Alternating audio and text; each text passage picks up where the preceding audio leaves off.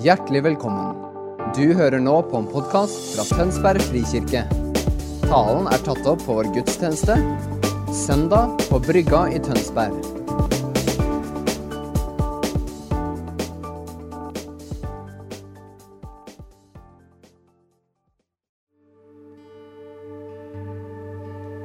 Takk, himmelske Far, for at du virker i oss ved din ånd, og for at du taler til oss.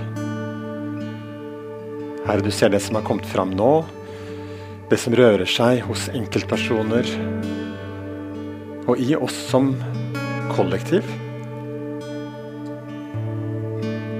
Herre, ikke, ikke stopp det du gjør nå. Beveg de som står på valg. La beslutninger tas, modige beslutninger tas i dag.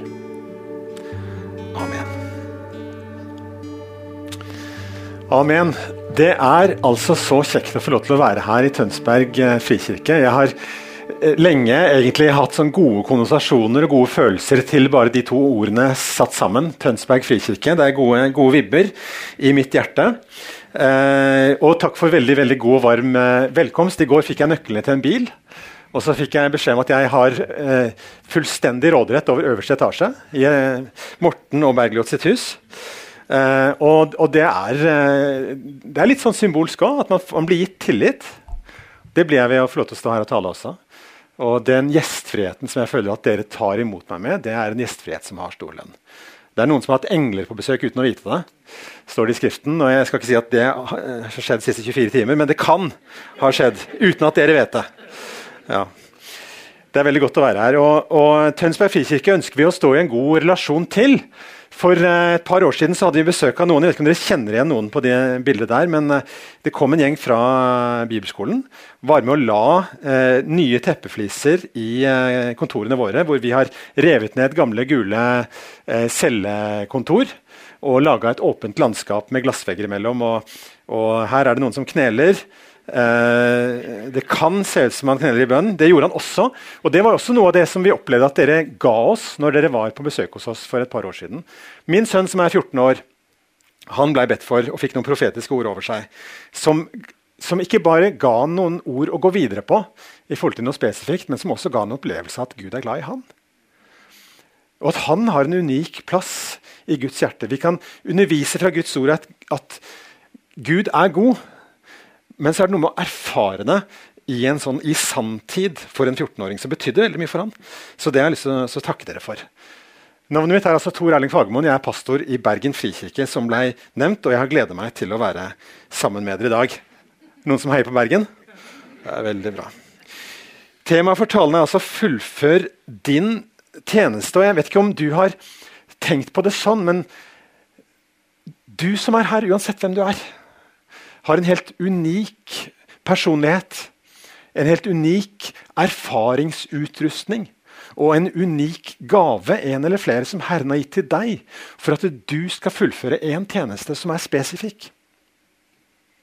Det er så lett at vi begynner å sammenligne oss med pastoren eller gjestetaleren eller den eller den, men, men jeg vil så gjerne få lov til å eh, tale til deg og si at du har en unik tjeneste i dette livet.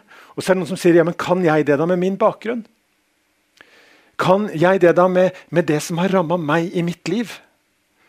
Kan jeg det da sånn som jeg er? Og så kan du fylle inn det som på en måte blir din sorg eller smerte, eller hva det nå er som er, som er det som dominerer i ditt liv akkurat nå.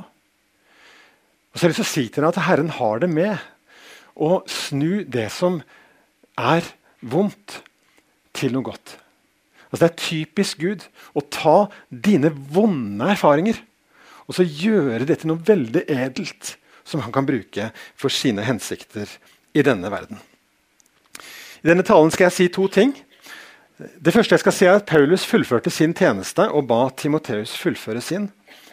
Det andre jeg skal si er at Jesus fullførte sin tjeneste og ber deg fullføre din. Prekenteksten den er henta fra 2. Timoteus brev 4, vers 5. Og jeg vil egentlig bare si disse tre orda fra den teksten. Fullfør din tjeneste. fullfør din tjeneste. I verset etterpå så sier Paulus at eh, tiden er kommet for han. Jeg, eh, jeg har stridd den gode strid. Jeg har fullført løpet og bevart troen. Paulus han er, han er, snart ferdig med sitt løp. Og nå, nå, nå holder han den unge Timoteus i et godt grep. Det vil si, fysisk er det ikke sammen, for Paulus sitter i, et, i lenker i Rom. Timoteus er et annet sted, derfor skriver Paulus et brev til ham. Og Det er det siste brevet som Paulus skriver. For nå må han gi Timoteus varm, et varmt grep, og så må han si Nå er det deg. Nå må du fullføre det som Gud har begynt i deg. Paulus han vet hva som ligger foran, og så vet han hva som ligger bak. Fram til denne dag. Det er nesten merkelig at eh, Paulus står oppreist med alt han har vært igjennom. Og Det skinner gjennom i andre Timoteus-brevet at han har hatt det tøft, og at han har det tøft. Eh, han forlatt Demas, og han forteller om en rettssak hvor ingen kom han til hjelp. og Alle forlot han. Han er i lenker, han venter på dødsstraff, han er skuffa over mennesker. Men vet du hva? fokuset er ikke der i det hele tatt. Fokuset til Paulus altså Han er merkverdig rolig. Merkverdig fokusert. Mer opptatt av seierskransen der framme enn lenkene her nede. Han er mer opptatt av å gi rikelig med visjon til Timoteus enn å snakke om sine egne bragder. Og vi, vi klusser det ofte til i vekslingen, gjør vi ikke det? Denne viktige, dette viktige sekundet i en stafett. Når én faktisk skal slippe og, og, kanskje et lite nanosekund hvor de løper litt sammen. Og i, i, i, vår virkelighet så er jo den tiden noe mer enn i et sånt stafettløp. Den derre Når begge holder grepet, og den ene er i ferd med å slippe, og den andre er i ferd med å holde. Og vi får en veksling som, som er vellykka. Det er innstudert for de som løper stafett. 400 meter. 100 meter hver. De vet akkurat hva de skal gjøre. Og så er det så om å gjøre ikke snuble akkurat da så er det så om å gjøre å få gitt fra seg stafettpinnen. Ikke holde den for lenge, ikke gi den for tidlig, men finne den der nøyaktige timingen av hvordan det skal skje. Din tjeneste, Timoteus, den vil se annerledes ut enn min. Men hvis min tjeneste skal ha noe for seg, så må du løpe. For at Paulus han vet at det handler ikke om han. Altså Paulus han ble kjendis, han. Han har 13 brever i, i vår bibel. I vårt Nytestamentet er det 13 brev skrevet av Paulus. Så han fikk, han fikk på en måte sin minnetavle. Men Paulus er overhodet ikke opptatt av det. Han er ikke opptatt av det. Jeg håper han ikke visste engang at de brevene skulle inn i Det nye testamentet og leses i dag. Det var han ikke opptatt av. Men han var veldig opptatt av Timoteus. At han skulle lykkes med det han holdt på med. Og, og, Vi må forstå det der, for vi ser kanskje liksom glorien over Paulus sitt hode. Og så tenker vi Paulus var en stor mann og en stor misjonær. Og du verden, altså. Men det betyr ingenting, det egentlig.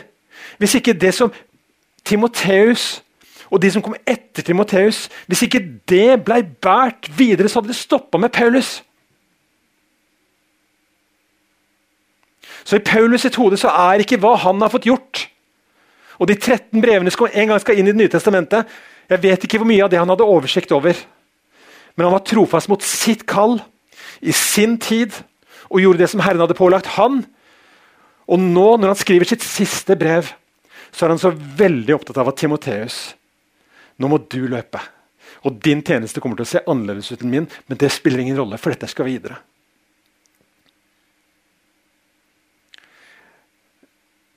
På 300 år så forvandla Romerriket seg. Og det er egentlig, hvis du tenker en sånn Timoteus, Paulus tidsforskjell som kanskje var sånn 30 år La oss si at en generasjon Paulus-Timoteus-generasjonen er 30 år. Så er det ti sånne vekslinger bare. Og så er hele Romerriket fylt av evangeliet. samfunnet er totalt forvandla. Sånn at Konstantin av strategiske årsaker i år 313 sier at nå er kristendommen ikke bare, nå er, nå er kristendommen tillatt. Så han avslutter forfølgelsen og sier at kristendommen er tillatt. og Så går det 79 år, og så sier keiser Theod Theodius, Theodius i 381 at nå er ikke bare kristendommen lov, men nå er alt annet forbudt. Og Så fikk vi maktkirken, med alt som er å si om den. og I 1877 så starta vi Frikirken i en protest mot maktkirken og, og, sa at vi må gjøre noe annet enn det. Vi, men vi leiter kanskje fortsatt litt etter det der DNA-et som fikk altså hele Romerriket på 300 år til å bli totalt forandra. For at folk hadde fått øye på hvem Jesus er. Det skjer noe i denne stafettvekslinga mellom Paulus og Timoteus som er riktig, som lykkes. Fordi Paulus ikke har fokuset sitt på hva, sine bragder og hvordan han gjorde det i sin tid. Men han er veldig opptatt av at Timoteus nå skal løpe videre med det. For jeg kan ikke løpe så fort lenger, sier Paulus.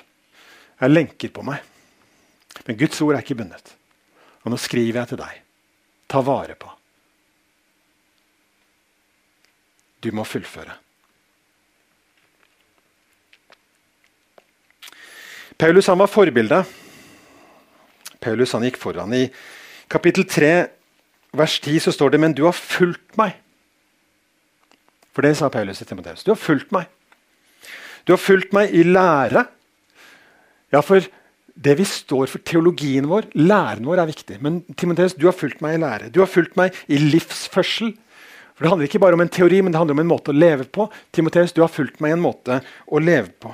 Du har fulgt meg i holdning. Ja, Vi snakker ofte om verdier. Den holdningen som Paulus hadde, den hadde Timoteus fulgt han i. Du har fulgt meg i tro, vi hørte det i stad, om overgivelse.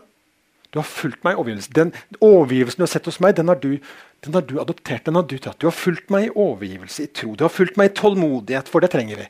Du har fulgt meg i kjærlighet. Du har fulgt meg i utholdenhet. Du har fulgt meg i forfølgelser. Du har fulgt meg i lidelser. Hvem følger deg? Hvis du ser bak deg, hvem, hvem, hvem ser på deg? Hvem ser på ditt liv? Hvem følger deg? Og hvem følger du?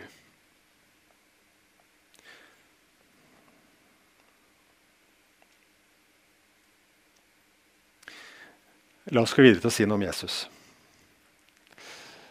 I den teksten vi hørte i stad, så, så, står det 'Jeg herliggjorde deg på jorden da jeg fullførte den gjerning du ga meg å gjøre'. Og To kapittel etterpå så sier Jesus 'det er fullbrakt'. Jeg husker jeg talte en gang eh, nordpå.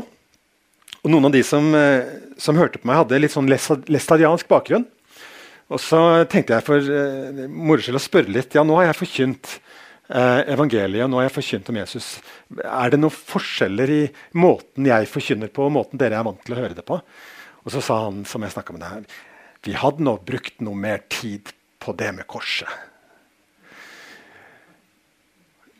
Og jeg tenker at Når jeg nå forkynner evangeliet her, så skal jeg ikke hoppe for fort bukk over det med korset. Vi nærmer oss påsken. Vi har fått motta nattvær sammen. Når Jesus sier 'det er fullbrakt', så hadde jeg lyst til å bare si evangeliet til deg. For evangeliet det handler om at du og jeg vi lever ikke opp til vår egen standard engang. Den standarden vi har for et, det vi tenker er et godt moralsk liv. Vi lever ikke opp til vår egen standard engang. Og langt mindre så lever vi opp til Guds standard. Og Det er ikke det at Gud er smålig og, og, og uraus, eller et eller annet sånt, men det er noe med at Gud er majestet. At han er hellig, og vi vet ikke egentlig hva det betyr engang. Vi klarer ikke å fatte det. Jeg har en gang spist eh, middag med kongen. Det ble nevnt i stad at jeg var generalsekretær i laget, og i den forbindelse så fikk jeg en gang invitasjon til å sitte ved kongens bord. Det var riktignok 300-400 andre der, men, men, likevel. Det var en biskop som skulle innvies, og unge Fagermoen ble invitert til å, være, til å, være, med. og fikk en sånn fin innbydelse. Jeg hadde jo ikke lest meg opp på hva som man skal gjøre og ikke skal gjøre når man sitter til bords med kongen, men en av reglene som jeg lærte av de andre som, satt, som jeg satt ved bord med, det var at uh, ingen reiser seg og går fra dette selskapet før kongen reiser seg og går. Så Mitt problem var bare at jeg hadde bestilt et fly. Så jeg gikk på et smell der. Så, så da hviska vi og tiska litt, og så ble vi enige om at jeg skulle bare late som jeg reiste meg for å gå på do. Jeg skulle ikke si ha det til de jeg satt på bord med, og sånne ting. Jeg skulle egentlig bare forsvinne. Og da gikk det bra. Så jeg er ikke blitt arrestert eller noe som helst etterpå. Men det der å være i nærheten av et majestet vi aner ikke og forstår ikke hvor stor Gud egentlig er. Og hvordan min tilkortkommenhet, som jeg kan være litt sånn halvveis misfornøyd med, eller halvveis fornøyd med, det er en majestetsfornærmelse i hvert fiber. Men likevel Og dette er evangeliet at når Jesus henger på korset og roper ut 'det er fullbrakt', så revner forhenget ovenfra og ned. Og veien helt inn til Gud, den hellige, er åpen for deg. For det er fullbrakt. Det er fullført. Og det Jesus har gjort for deg, det er 100 måloppnåelse. Når det er fullbrakt, så er det helt fullkomment. Så frelsesverket, ikke tvil et sekund på at det er det godt nok for meg. Men jeg, da? Jeg er ufullkommen. Jeg er full av synd. Jeg får ikke dette til. Jeg er uverdig. Ja, alt det der er sant. Men, men veien er åpen. Liksom, døra er løfta av hengslene for deg til å gå inn og få være i Guds nærhet. Denne hellige majestet. Du kan få slippe helt inn for deg fullbrakt. Så selv om denne talen egentlig handler om noe annet enn det jeg har sagt nå, så, så, så, så hører jeg litt på læstadianeren der nord. Så ikke hopp for fort bukk over det der med Jesus på korset. For det er også en del av Når Jesus sier at han fullførte noe, fullførte sin tjeneste, så er det virkelig sant at det han fullførte, det var et frelsesverk for deg og meg på korset. Og det er for deg. Og så hadde jeg lyst til å si noe annet i denne talen. Og når vi har lest fra Johannes 17 i dag Innledningen, jeg tar den en gang til. Da Jesus hadde sagt dette, løftet han blikket mot himmelen og sa, 'Far, timen er kommet'. Paulus sa det. Tiden er kommet.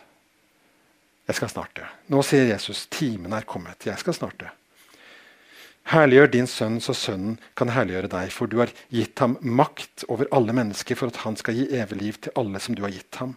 Og dette er det evige liv, at de kjenner deg, den eneste sanne Gud, og ham du har sendt Jesus Kristus. Så ikke tvil på hva som er veien til Gud. Det er å kjenne, overgi seg til, begynne å takke for, ta imot Jesus fra Nasaret. Og så står det i vers 4. Jeg herliggjorde deg på jorden da jeg fullførte den gjerning du ga meg å gjøre.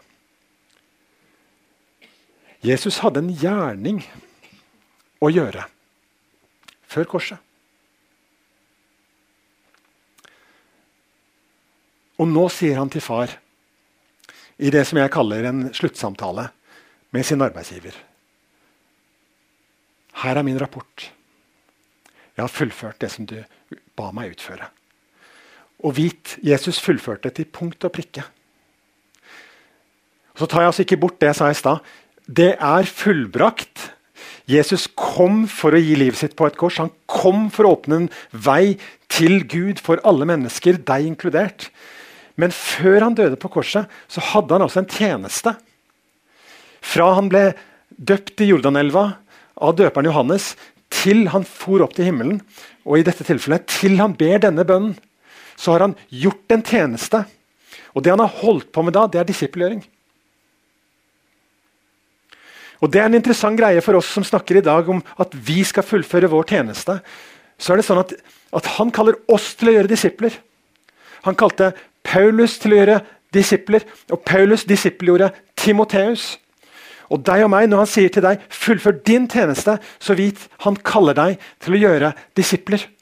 Og så har han gått foran deg som et forbilde også i det. Han var en disippelgjører. Han var en frelser. Ta ikke bort noe av det. Men når det står om Jesus at han fullførte den gjerning som Gud ba han om å gjøre, og han her avlegger sin sluttrapport, så tenker jeg det handler om en sluttrapport på den disippelgjøringen som han hadde gjort. Og Jeg delte dette på, på viderekonferansen, og Morten sa dette må du gjerne tale om når du kommer til Tønsberg kirke også. Så nå skal jeg gjøre det. Og så skal jeg gi dere gullstandarden for disippelgjøring fra Jesus. Gullstandarden for disippelgjøring. Det var nemlig noen ting som han i sin disippelgjøring så var det noen, ting, noen, noen prinsipper som han fulgte, som jeg tenker vi kan gjøre vel i å legge øret i dette her er det vi også skal gjøre når vi skal disipler. Når vi skal følge opp våre timoteuser. Han gjorde disipler. Og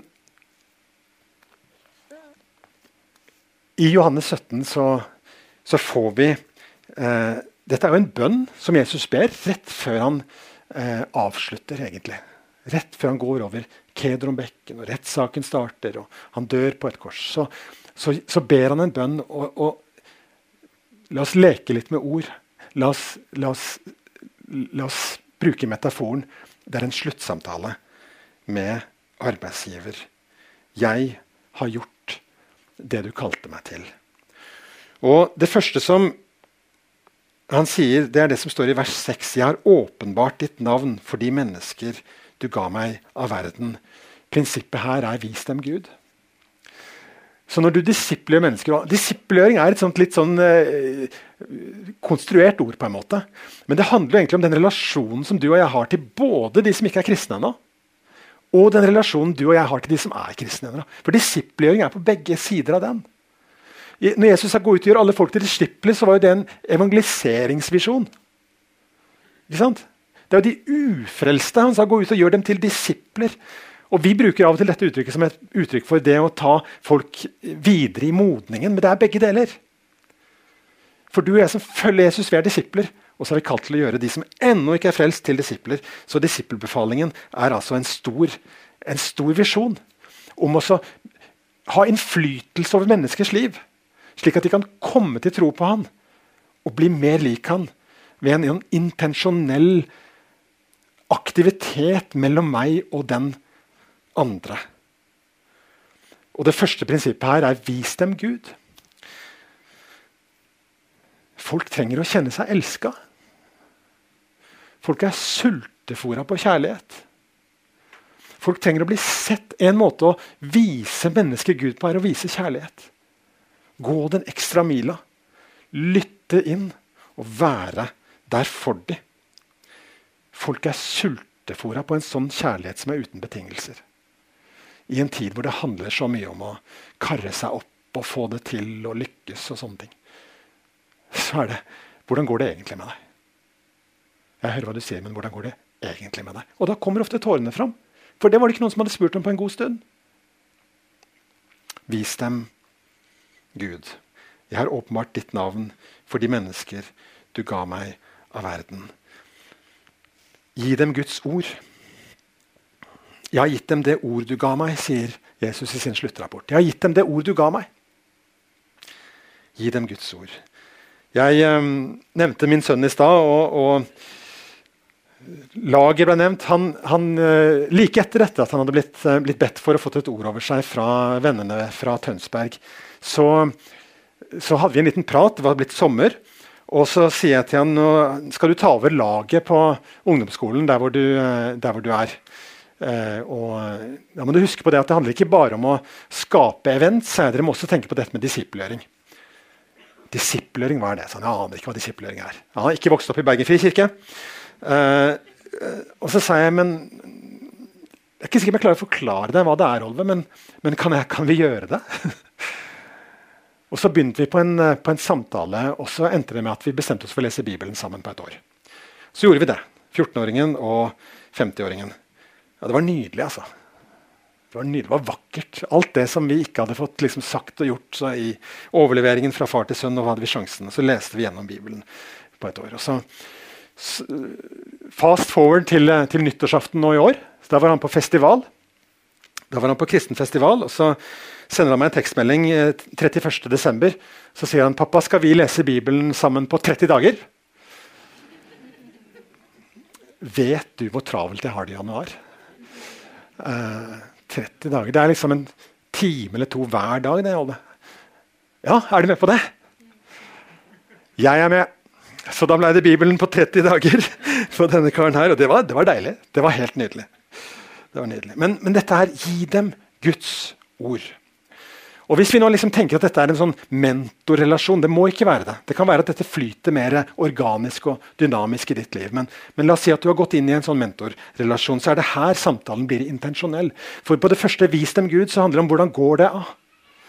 Men her så plukker du opp Bibelen fordi du har bestemt deg for det at i denne samtalen så leser vi Bibelen sammen.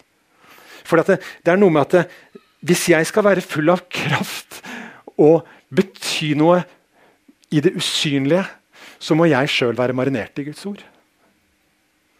Og så er det sånn at Når jeg er kraftløs i min tjeneste, så er det fordi jeg har fått avstand til Guds ord. Sånn har det i hvert fall vært for meg.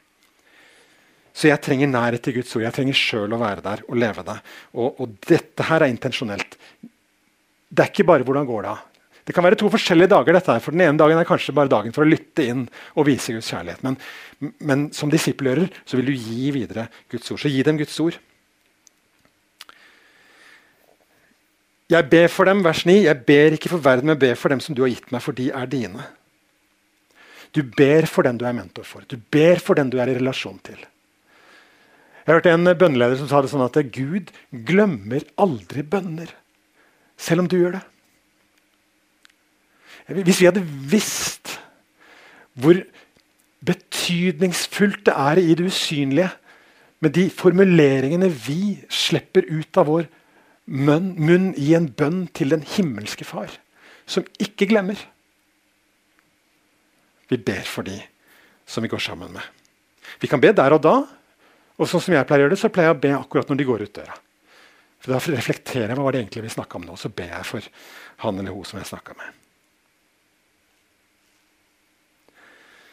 Vers 12. Da jeg var hos dem, bevarte jeg dem i ditt navn, det navnet du har gitt meg. Jeg passa på dem. Jeg beskytta dem. Og dette kan være veldig praktisk. Det kan handle om å gi gode råd til skjermbruk. Eller være på en måte en, en, en, som spør litt, og som er der litt, og som ikke kontrollerer, men som likevel er der. Og de vet at du er der, og så er du med og beskytter dem. Men det kan også handle om å gå inn og investere i dem.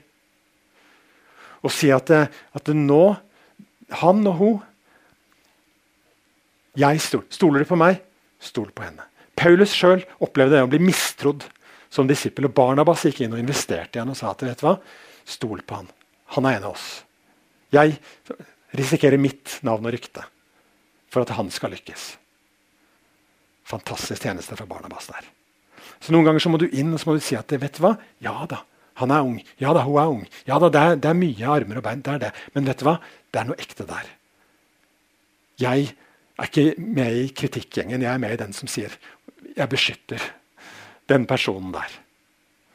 Mange måter å tenke det på. Send dem. Som du har sendt meg til verden, sender jeg dem til verden. Det er jo sånn Uansett hvilken eh, relasjon vi snakker om, så er den en gang over. Og en sånn medvandrerrelasjon, mentorrelasjon, disipleringsrelasjon. En dag så er den over, og så går den personen videre til en annen. En dag så flytter folk fra min menighet og, og, til en annen by.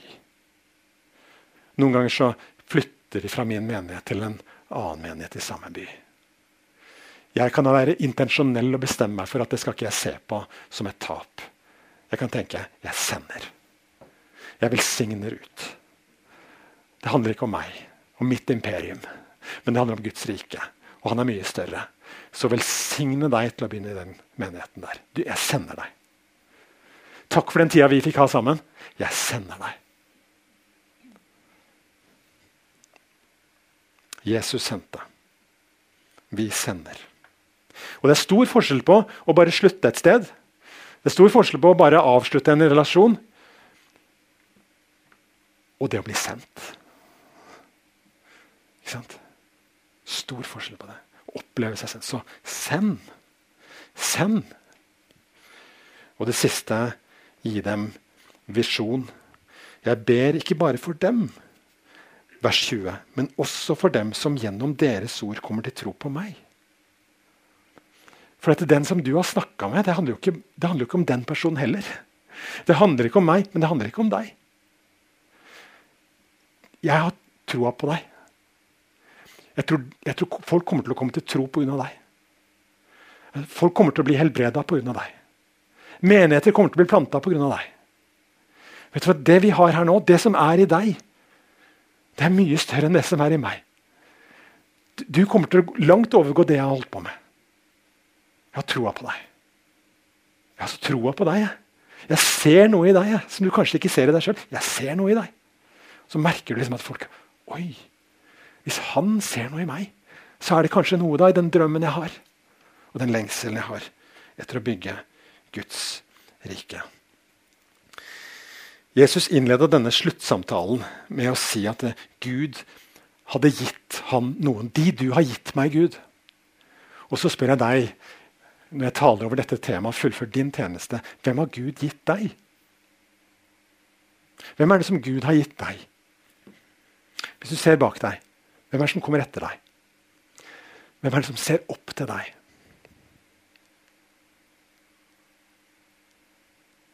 Kan være at Gud har gitt den eller de til deg. Unikt for at du skal investere inn i det menneskets liv. Ja, du har det travelt med alle de tinga du må gjøre. Men hvis vi holder på med alt det som vi har det travelt med å gjøre, og ikke ser at det handler ikke om alt det jeg gjør, men det handler om generasjonen etter meg, så taper vi.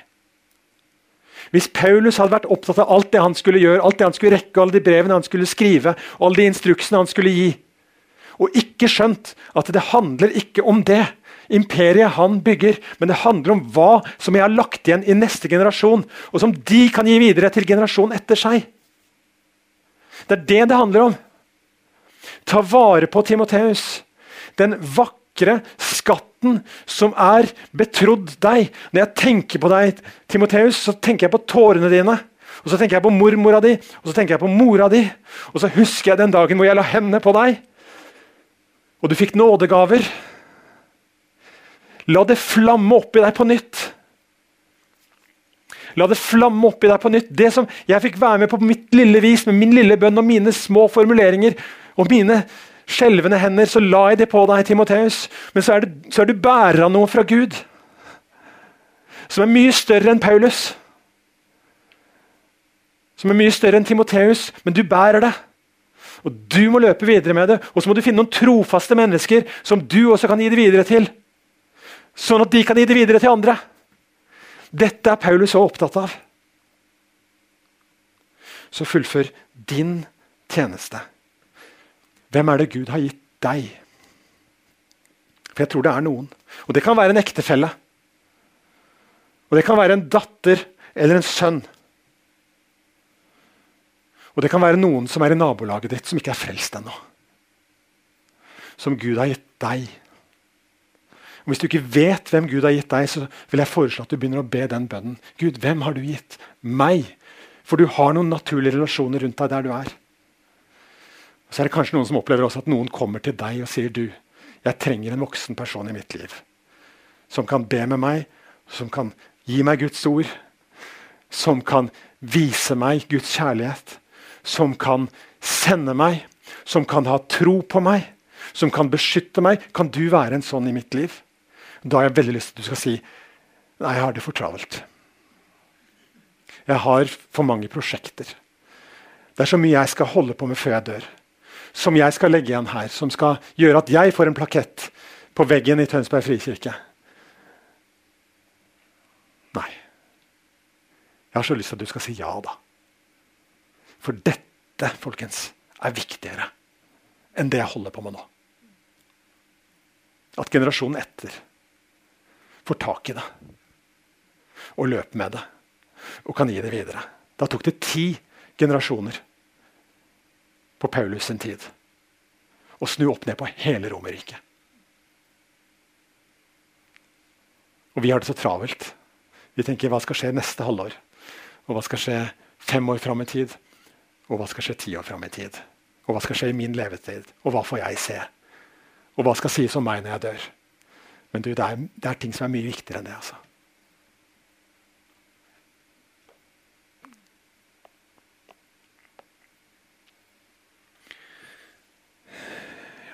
Jeg tror det er noen her inne som kjenner på motløshet.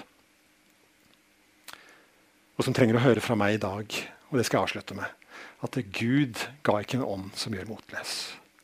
Men han ga en kjærlighetens, kraftens og visdommens ånd.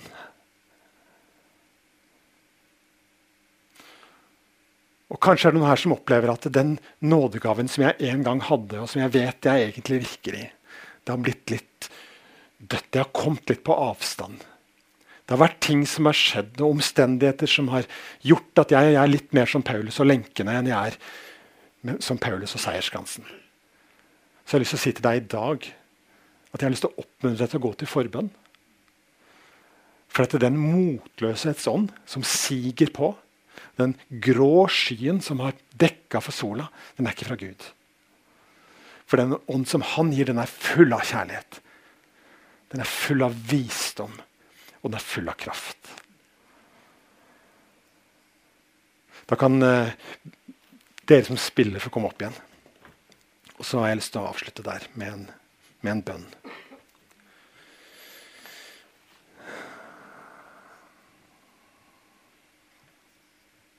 Herre, takk for at dette rommet er fylt av enkeltpersoner som har en unik tjeneste for deg. Takk for at det, den enkelte som hører meg nå, har ikke bare fått en nådegave, men også fått en erfaringsutrustning, på godt og vondt, som gjør den personen helt unik til å gjøre det verket som du har kalt henne og han til. Så jeg har lyst til å be om at hver enkelt her skal få lov til å kjenne seg fornya i sitt kall til å fullføre sin tjeneste. Og så ber jeg om alle de som ennå ikke er kommet til tro på deg, men som skal komme til tro på deg pga. det arbeidet som legges ned i denne menigheten. Og pga. den investeringen som, som skjer i neste generasjon, så kommer noen til å komme til tro på deg, Herre, og begynne å prise deg. Så jeg ber om at den suksesjonen skal skje. At det livet skal flyte fra dette stedet. Og du er så stor at du tenker et mye større bilde enn vi gjør. Du ser en helt annen virkelighet og en helt annen tidshorisont enn vi har. Men vi er her i dag, og jeg har lyst til å be deg om at hver enkelt her skal få lov til å kjenne det. At motløsheten slipper taket. At kjærligheten og kraften og visdommen kommer i stedet. Og at den nådegaven som du alt har gitt oss, at den får lov til å flamme opp. Og så ber vi om at brannen skal spre seg. Amen.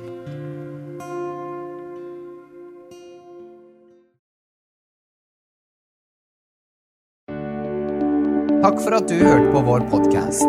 Har du spørsmål eller ønsker du å vite mer? Søk oss på vår nettside tonsbergfrikirke.no. Du er også velkommen til kirke på Brygga i Tønsberg.